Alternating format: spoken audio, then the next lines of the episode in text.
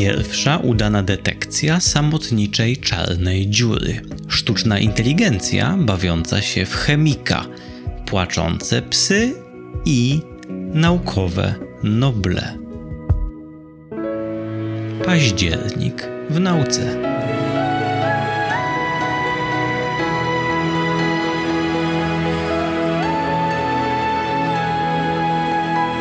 Podcast powszechny. Weź, słuchaj. Dziękujemy patronkom i patronom za wsparcie. Dołącz do grona dobroczyńców podcastu Tygodnika Powszechnego w serwisie Patronite. Cześć i czołem szanowni państwo, tu Łukasz Lamża i kolejny odcinek z cyklu Miesiąc w nauce. Tym razem tym miesiącem jest październik roku pańskiego 2022. E, cóż my tu mamy? Pierwsza udana detekcja samotniczej czarnej dziury. No o czarnych dziurach pewnie już słyszeliście i być może też już wiecie, że ich istnienie nie jest jakąś tam sobie tylko mm, kolejną fizyczną, szaloną hipotezą. Dzisiaj mówimy już o czarnych dziurach z dużym dosyć poczuciem pewności. Y, potrafimy wskazać paluchem na niebo i powiedzieć: Tu wiemy, że tam w tę stronę, gdyby podróżować odpowiednio daleko, tam jest czarna y, dziura. O wielu takich y, już wiemy. Mierzymy ich masy, mierzymy ich położenia, badamy ich otoczenie, no więc cóż tu w zasadzie jest pierwszego? No kluczowe jest słowo samotnicza. Y, czarne dziury, tak zresztą jak i gwiazdy w ogóle jako takie. Mówię teraz o czarnych dziurach powstających z gwiazd, odkładając na bok inne ich kategorie. Czarne dziury lubią powstawać z towarzyszami. Gwiazdy lubią powstawać z towarzyszami, bardzo często są w układach podwójnych. Nasze własne Słońce jest, jak się okazuje, y, no nie powiem, że rzadkim, ale jest, y, jest, jest w mniejszości. Nie jest, nie jest wyjątkiem, ale jest w mniejszości. Większość gwiazd tak naprawdę jest w układach wielokrotnych. I czarną dziurę najłatwiej jest przyskrzynić, jeśli jest właśnie w układzie podwójnym. Jeśli mamy dwie rzeczy kręcące się wokół wspólnego środka masy, no to jest to dosyć charakterystyczna rzecz. Przykładowo możemy sobie wyobrazić, że jakieś coś kręci się wokół jakiegoś innego czegoś i, to, i, i widzimy ewidentne oznaki kręcenia się wokół, natomiast tego drugiego czegoś nie widzimy. Tak się zdarza. I w takim przypadku, po spełnieniu pewnych dodatkowych warunków, możemy powiedzieć: Hmm, to coś, czego nie widać. Nazwiemy to czarną dziurą. No i to są, powiedziałbym, typowe przypadki. Zwykle czarną dziurę poznajemy po tym, że coś tam się wokół niej kręci. No bo jej samej raczej nie zobaczymy, prawda? Jest w końcu czarna. Czarna dziura ze swojej własnej definicji to jest coś takiego, co nie umie wypuścić nic z pewnej określonej objętości. Jest idealnie czarne. No więc zupełnie pojedyncza, samotnicza, nie kręcąca się wokół niczego, niczym nie kręcąca wokół siebie, po prostu frunąca przez przestrzeń galaktyczną czarna dziura, no to rzeczywiście wydawałoby się agent e, wręcz idealnie się maskujący, no ninja doskonały. Jak takie coś przyskrzynić? Właśnie się to udało. Metoda sama w sobie jest znana od dawna i to, że się to udało, jest e, tylko skutkiem tego, że znaną już od dawna metodę w końcu udało się doprowadzić do postaci yy, udanej, do postaci udanego zastosowania metody. Jakaż to metoda? Yy, w zasadzie polega ona na jednym tylko zjawisku, które nazywa się mikrosoczewkowanie grawitacyjne. Jeżeli zrozumiemy, czym jest mikrosoczewkowanie grawitacyjne, to od razu zrozumiemy, co się udało e, naszym tu autorom. E, mikrosoczewkowanie grawitacyjne to jest ogólniejsza wersja soczewkowania grawitacyjnego, a soczewkowanie grawitacyjne to jest zjawisko, w którym jakaś masa, koncentracja masy stąd ten przymiotnik grawitacyjny, zachowuje się jak soczewka. A to z kolei jest zjawisko wymyślone dawno, dawno temu przez samego Einsteina, kiedy tylko zorientował się, że grawitacja w jego własnej teorii, ogólnej teorii względności, grawitacja jest niczym innym jak zakrzywieniem czasoprzestrzeni, zdał sobie też natychmiast sprawę z tego, że mała kluska masy, zakrzywiając czasoprzestrzeń, będzie też zakrzywiała tor, po którym porusza się światło. A jak się tak nad tym zastanowić, to czymś takim, co zakrzywia tor światła, jest soczewka. Znamy to zjawisko z życia codziennego. Od w tej chwili mam na y, nosie okulary, okulary z dwiema soczewkami i każda z nich zakrzywia promienie świetlne. Dzięki temu mogę zerkać na ekran i widzieć na nim całkiem ostre literki, a bez nich byłoby źle. No więc wiemy, że jest coś takiego jak soczewka. No soczewka grawitacyjna to jest coś takiego, co też zakrzywia promienie światła, jest więc no, soczewką, ale zakrzywia je nie dlatego, że znajduje się tam wielki blok szkła albo innego materiału, ale po prostu dlatego, że odpowiednio gęsta masa w widocznym stopniu zakrzywi trasy, po których przemieszcza się światło. Soczewka grawitacyjna. No i takie coś wymyślił Einstein mniej więcej 100 lat temu. Niedługo później zostało to potwierdzone na przykładzie naszego własnego Słońca, które też, mimo że nie jest jakąś tam czarną dziurą ani innym wybitnie spektakularnym zjawiskiem kosmicznym, też podlega uniwersalnym prawom kosmosu, a więc i zakrzywia czasoprzestrzeń. Udało się to potwierdzić. E, światło odległej gwiazdy lecącej za Słońca, kiedy przelatuje w pobliżu tarczy słonecznej, to delikatnie zakręca. Nie leci po e, torze jak od linijki, tylko leci po takim trochę bardziej skomplikowanym torze, no właśnie dopasowując się do pokrzywionej czasoprzestrzeni. I po tym długim wstępie zobaczmy, co z tego wynika.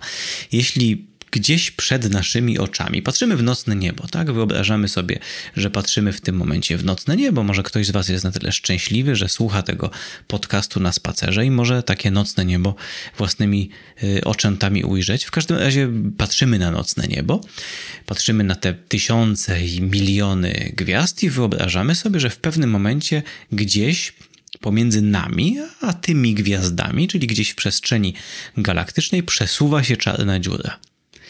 Jej samej nie zobaczymy, natomiast jest ona taką właśnie soczewką, mikrosoczewką grawitacyjną.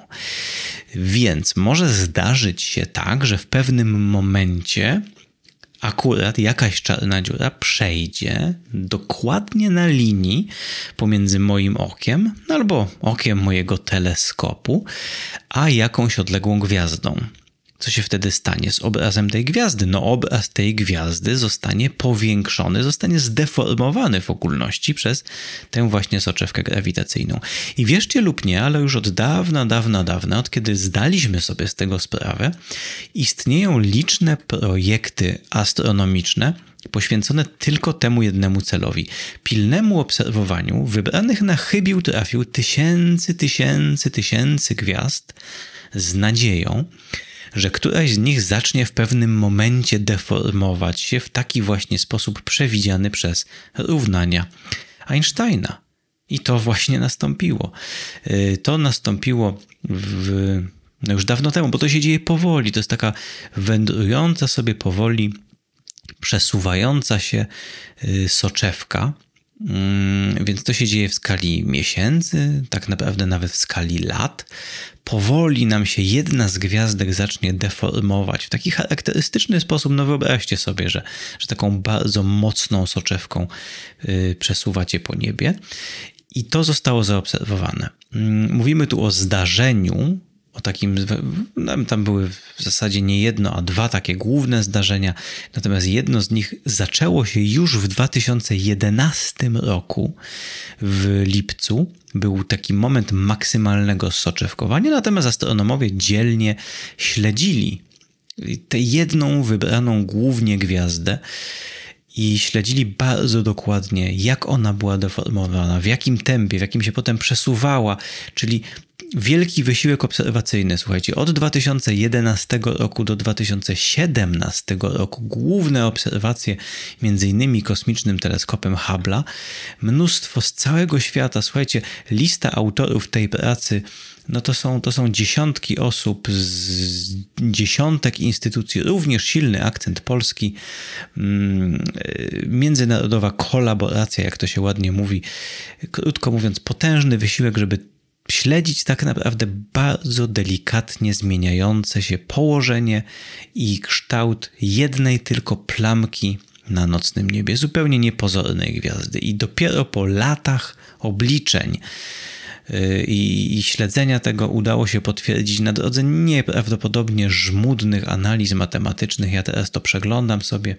Słuchajcie, no to jest potężny, gigantyczny wysiłek. Jedna gwiazdka, śledzona przez setki dni. Patrzę w tym momencie na taki wykres pokazujący obserwacje jasności tej jednej gwiazdki wykonywane przez dziesiątki różnych urządzeń. Tu widzę jakaś Tasmania, Auckland, y, tu jakaś obserwacje, jakieś obserwacje duńskie. No coś niesamowitego. Y, wspólny wysiłek, później wspólna analiza danych, przyrównywanie tych danych do rozmaitych krzywych i wzorów i po to tak naprawdę, żeby można było wiele lat później, 11 lat później, kiedy ta y, soczewa czarnej dziury maksymalnie te gwiazdy deformowała, 11 lat później, y, w lipcu został artykuł przysłany do, mm, w takiej pierwszej, pierwotnej wersji. W październiku została jego oficjalna wersja opublikowana. I w zasadzie to wszystko, co ten artykuł streszcza, długi, matematyczny, trudny, żmudny artykuł, można by to podsumować wszystko e, w jednym zdaniu. Wszystko to, co obserwowaliśmy, zgadza się z taką wersją zdarzeń i z żadną inną wersją, że była tam jakaś soczewka, o masie siedmiu mas Słońca, czyli siedem razy cięższa od Słońca. Jest to zgodne z taką wersją, że była to kiedyś ongiś, dawno, dawno temu bardzo masywna gwiazda, która od tego czasu wybuchła, została supernową, został po niej taki właśnie e, ultra gęsty obiekt nazywany czarną dziurą. 1600 e, parseków od nas, czyli już taka, no w skali galaktycznej to już taki troszkę od nas oddalony obiekt i zdeformował nam, i zdeformował nam obraz odległej gwiazdy. I to jest pierwszy tak dobrze potwierdzony przypadek takiej właśnie sunącej przez przestrzeń galaktyczną, samotniczej, pojedynczej, czarnej yy, dziury. Tyle, tyle roboty. To może dla odmiany, żeby coś troszeczkę lżejszego, o tych psach. No nie jest to badanie, powiedzmy sobie, tak samo wysokiej jakości. Mamy tutaj nie tysiące indywidualnych, precyzyjnych pomiarów astronomicznych, nie przyrównywanie czegoś do technicznych, wyskalowanych równań. No tu mamy 18 psów, którym mierzono, jak bardzo wilgotnieją im oczy, gdy spotykają się po 5 do 7 godzinach ze swoim człowiekiem, że tak powiem. Powiedzieliśmy ze swoim panem, ale jakżeż to źle brzmi. Ze swoim człowiekiem. W praktyce chodziło o sprawdzenie, czy wilgotnieją im oczy. Są na to takie standardowe metody, no nie za bardzo do końca przystosowane do mierzenia oczu psich, natomiast tutaj zostało to zastosowane. No, kilka. No, było tu rzeczy, do których można by się przyczepić, ale nie każde badanie naukowe jest, e, powiedzmy sobie, no, no nie, nie każde czytamy tak samo. O, powiedzmy oględnie. W tym przypadku autorzy yy, twierdzą, że rzeczywiście oczy psów wydzielały więcej łez niż w jakimkolwiek innym przypadku. Także y, nie wtedy, kiedy witały się z jakim tam byle jakim człowiekiem, opiekunem, okazjonalnym. Nie. Jest taki jeden moment y, ze wszystkich scenariuszy, które tu badano, a mianowicie psy witające się po wielu godzinach ze swoim człowiekiem. Wtedy te oczy wilgotnieją im szczególnie mocno.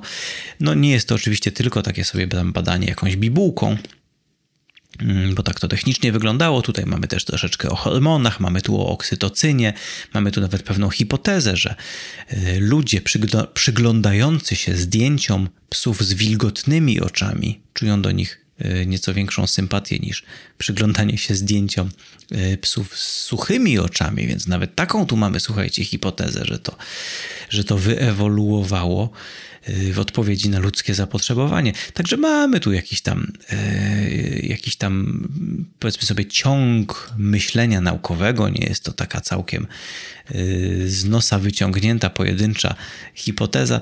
Natomiast jest to, no, jest to takie no, badanie, które zwykle się komentuje jako od taka, no, taka zabawna ciekawostka. Psom podobno wilgotnieją oczy, gdy spotykają się ze swoim człowiekiem po wielogodzinnej rozłące. No i trzeba też dodać, dołączają tym samym, jeśli wierzyć autorom tego badania, do bardzo wąskiego grona istot, które w ten sposób się zachowują, to, to, już są, to są już aż dwa gatunki. Człowiek i pies. Homo sapiens i Canis domesticus, proszę Państwa. Jedyne dwa gatunki, którym wilgotnieją oczy we wzruszającej yy, sytuacji. No dobrze, cóż dalej?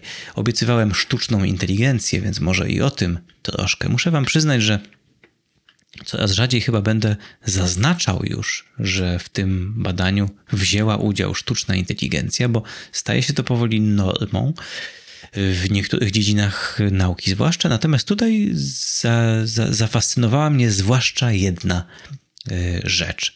Mówimy tu tak Przede wszystkim, jakie jest tło? Mówimy tu o optymalizacji procesów chemicznych, czyli chemicy stoją przed takim zadaniem: oto mamy przeprowadzić jakąś reakcję chemiczną, już mniejsza o to jaką. Pytanie brzmi, w jakich warunkach. Czyli wiemy, jaki związek chcemy połączyć z jakim związkiem. Tutaj mówimy konkretnie o, o sprzęganiu się związków, powiedzmy sobie syntezie, tak? Chcemy wytworzyć większy związek z dwóch związków mniejszych, a więc wiemy, że chcemy uzyskać ze związku A i ze związku B, powiedzmy sobie związek AB. Natomiast mamy wciąż wiele pytań, na które nie odpowiedzieliśmy jeszcze. W jakiej temperaturze? Być może w jakim ciśnieniu? W jakim roztworze? W jakim stężeniu? z obecnością jakich dodatkowych związków, czyli musimy wiedzieć, w jakich warunkach ten, y, tę konkretną reakcję wykonać, żeby była jak najskuteczniejsza, żeby jak najlepiej te reakcje przeprowadzić, żeby miała jak największą wydajność. I nie ma na to jakiegoś jednego prostego wzoru. Chemicy to robią metodą prób i błędów, czasami są jakieś, y, w typowych przypadkach są czasami jakieś pomocnicze wzory, ale ogólnie to trzeba po prostu y, jakoś wymyślić. To jest zadanie do rozwiązania. No i autorzy proponują tutaj taką metodę, żeby posłużyć się uczeniem maszynowym, ale w bardzo określony sposób. Uczenie maszynowe w ogólności to jest taka technologia, w której komputerowi, programowi komputerowemu dajemy pewne dane treningowe i on się niejako samodzielnie uczy. Czyli dajemy mu problem do rozwiązania, dajemy mu pewną liczbę przykładów i on wyciąga z tych przykładów prawidłowości. Niejako samodzielnie, nie, nie dajemy kawa na ławę. W tym przypadku chodzi o rzecz zupełnie niezwykłą, dlatego że nie dajemy temu oto komputerkowi przykładów w sensie na przykład opisanych przykładów z literatury naukowej. Y, próbowali to autorzy tego badania, ale im się nie udało. Tutaj dajemy komputerowi do dyspozycji laboratorium chemiczne. Konkretniej automatyczne laboratorium chemiczne, coś w stylu takiego automatycznego komputerka chemicznego. To są, wiecie, kolby, wężyki, podgrzewacze, yy, naczynia, źródła materiałów. Krótko mówiąc, takie małe, całkowicie zautomatyzowane laboratorium chemiczne, którym ten, ten algorytm może się swobodnie posługiwać, czyli może on zlecać temu komputerkowi chemicznemu, temu laboratorium chemicznemu wykonanie pewnego doświadczenia w określonych warunkach. I zadanie polegało na tym, żeby ten algorytm, ten program komputerowy wytworzył sobie taki sposób wymyślania tych warunków, stopniowo minimalizując swój poziom niepewności. I co się okazało? Ten y, algorytm, no po pierwsze spisał się, rzeczywiście wymyślił sobie, natomiast możliwe było podglądanie tego, jak on się uczy i co każe temu automatycznemu laboratorium chemicznemu wykonywać. Było to bardzo interesujące i czytałem naprawdę z wielkim przejęciem, dlatego że mamy tutaj, wiecie, do dyspozycji y, coś, co się uczy, ale też jednocześnie może samo sobie wymyślać materiał treningowy. Czyli nie jest tak jak zwykle bywa, że jest skazany na te dane treningowe, które my mu podrzucimy, ale bierze w tym aktywny udział samemu wykonując eksperymenty chemiczne wedle własnego uznania. I bardzo interesujące było patrzeć na przykład na to, to, to, to było to, co zwróciło moje, moją największą uwagę w tym badaniu, że ten algorytm bardzo często, dużo częściej niż ludzcy chemicy, celowo wykonywał y, doświadczenia, o których było już wiadomo na danym etapie, że się nie powiodą. Czyli konkretnie nakazywał temu automatycznemu laboratorium chemicznemu wykonywać pewne reakcje w warunkach, o których już na tym etapie wiedział, że nie dadzą dobrej, nie będą miały dobrej skuteczności, nie będą miały dobrej wydajności. Czyli y, częścią uczenia się były porażki, w tym wypadku celowo wykonywane. Można by sobie wyobrazić, że, że no nie wiem, że, że, że to jest komputer próbujący chodzić, który celowo upada. Albo, no sami sobie wyobraźcie jakiś inny przykład na tego samego typu sposób postępowania. Bardzo ciekawe i bardzo pouczające. Wiecie, komputer nie boi się porażek. Ludzie boją się porażek. Ludzie odruchowo mają, mają niechęć do, do podejmowania czegoś, o czym wiedzą, że się nie powiedzie.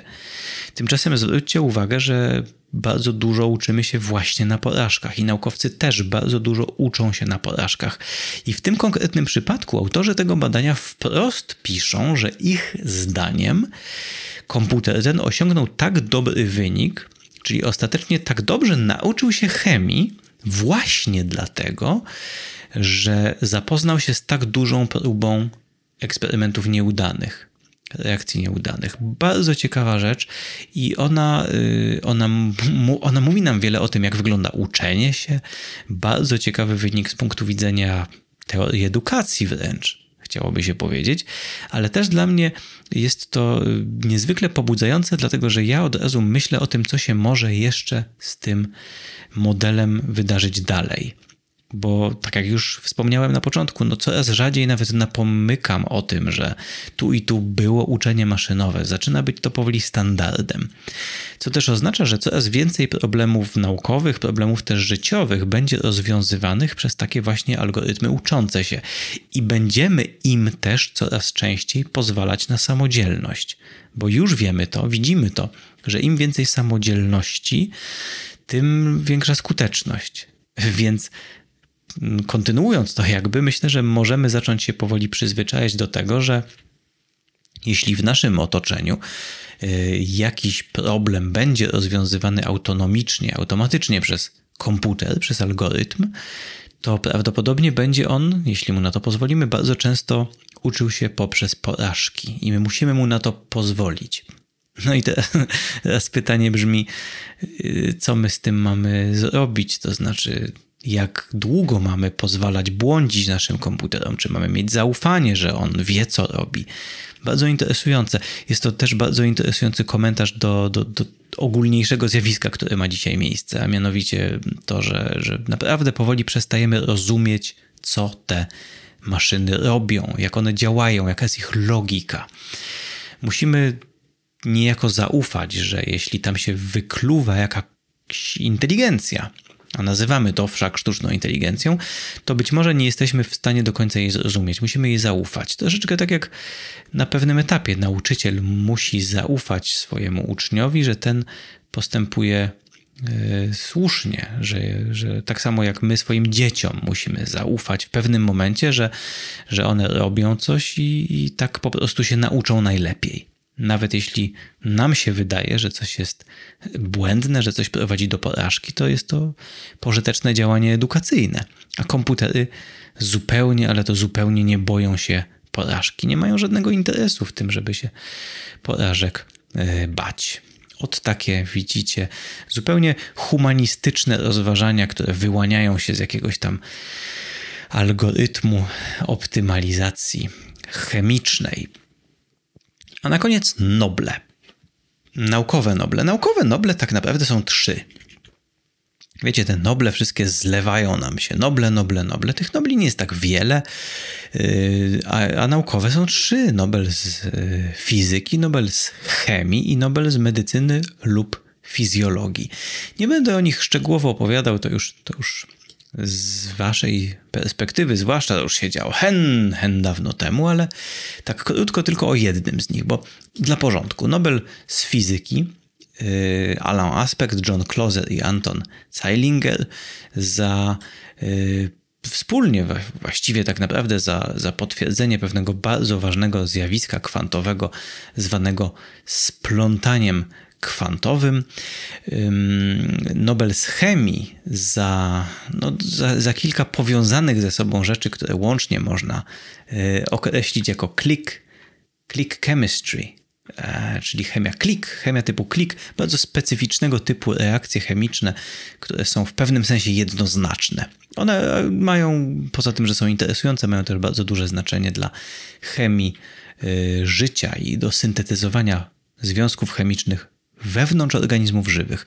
To tak tylko, żebyśmy wiedzieli, za co się dzisiaj te Noble y, przyznaje. Natomiast trzeci, o trzecim powiem tylko odrobinkę trochę dłużej, y, a może jeszcze tych chemików też wymienię, skoro wymieniłem fizyków y, Carolyn Bertozzi, Morten Meldal i Barry Sharpless. Natomiast medycyna Svante Paabo nagroda za badania genomów wymarłych homininów i ewolucja ludzka. Tak to zostało wyrażone przez Komitet Noblowski. W praktyce chodzi o poznawanie naszej historii genetycznej. Svante Pabo yy, był jedną z najważniejszych osób w takim wielkim, fajnym programie badawczym polegającym tak naprawdę na odczytywaniu y, DNA z dawno, ale to dawno, dawno zmarłych osobników. Tu jest mnóstwo problemów technicznych do rozwiązania, ale naprawdę, naprawdę warto, bo wyniki tego są spektakularne, a, a Wspomniałem o tym, że o tym temacie tylko króciuteńko dłużej, dlatego że akurat tak się złożyło, że również w październiku nie wiem, czy to zbieg okoliczności, czy nie, ale chyba, chyba zbieg okoliczności. Yy, opublikowany został bardzo fajny artykuł, którego współautorem był właśnie noblista, Czyli kiedy Pabo współtworzył ten artykuł naukowy, to nikt jeszcze nie wiedział, że, że, że jest to artykuł e, współpisany przez noblistę. Artykuł na temat historii genetycznej neandertalczyków na podstawie tego właśnie, co Pabo wspólnie z innymi ludźmi e, wymyślił, czyli na podstawie odczytywania pradawnych genomów, udało się odtworzyć strukturę społeczności, a nawet wniknąć delikatnie w strukturę rodziny Neandertalczyków.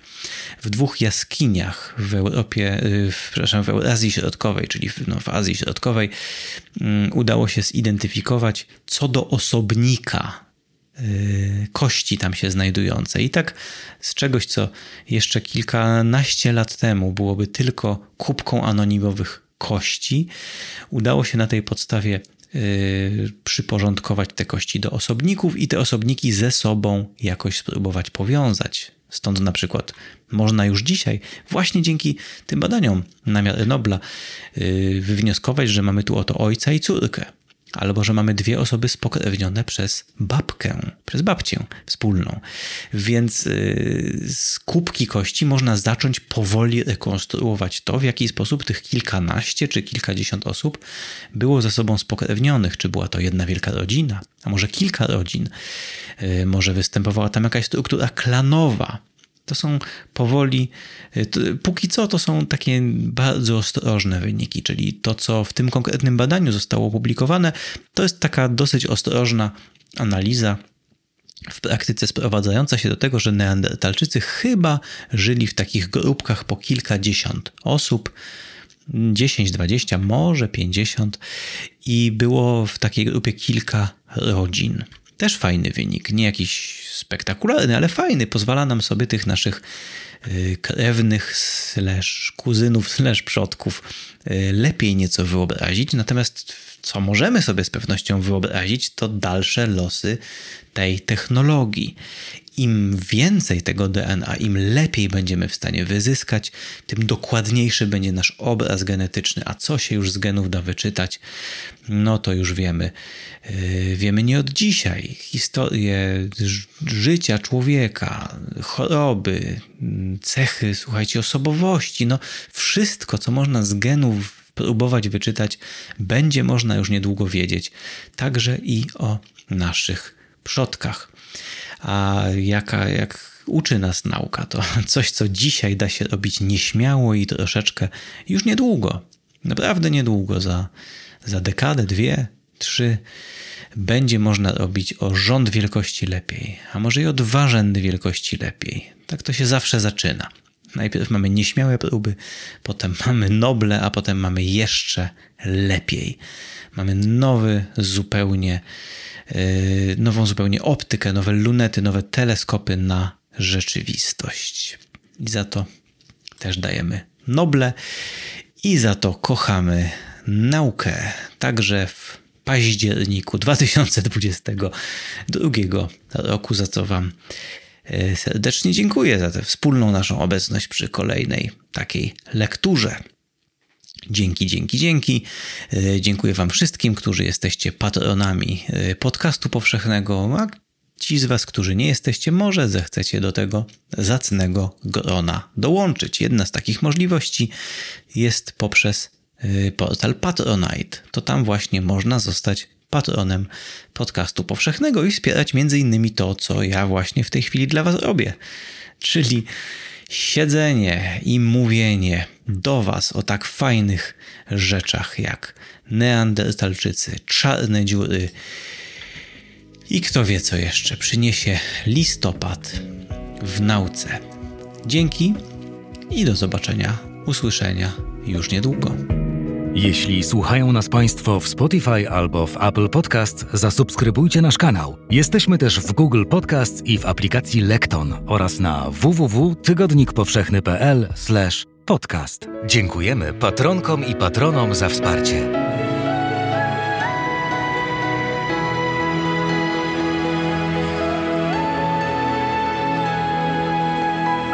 Podcast powszechny. Weź, słuchaj. Współwydawcą podcastu powszechnego jest Fundacja Tygodnika Powszechnego.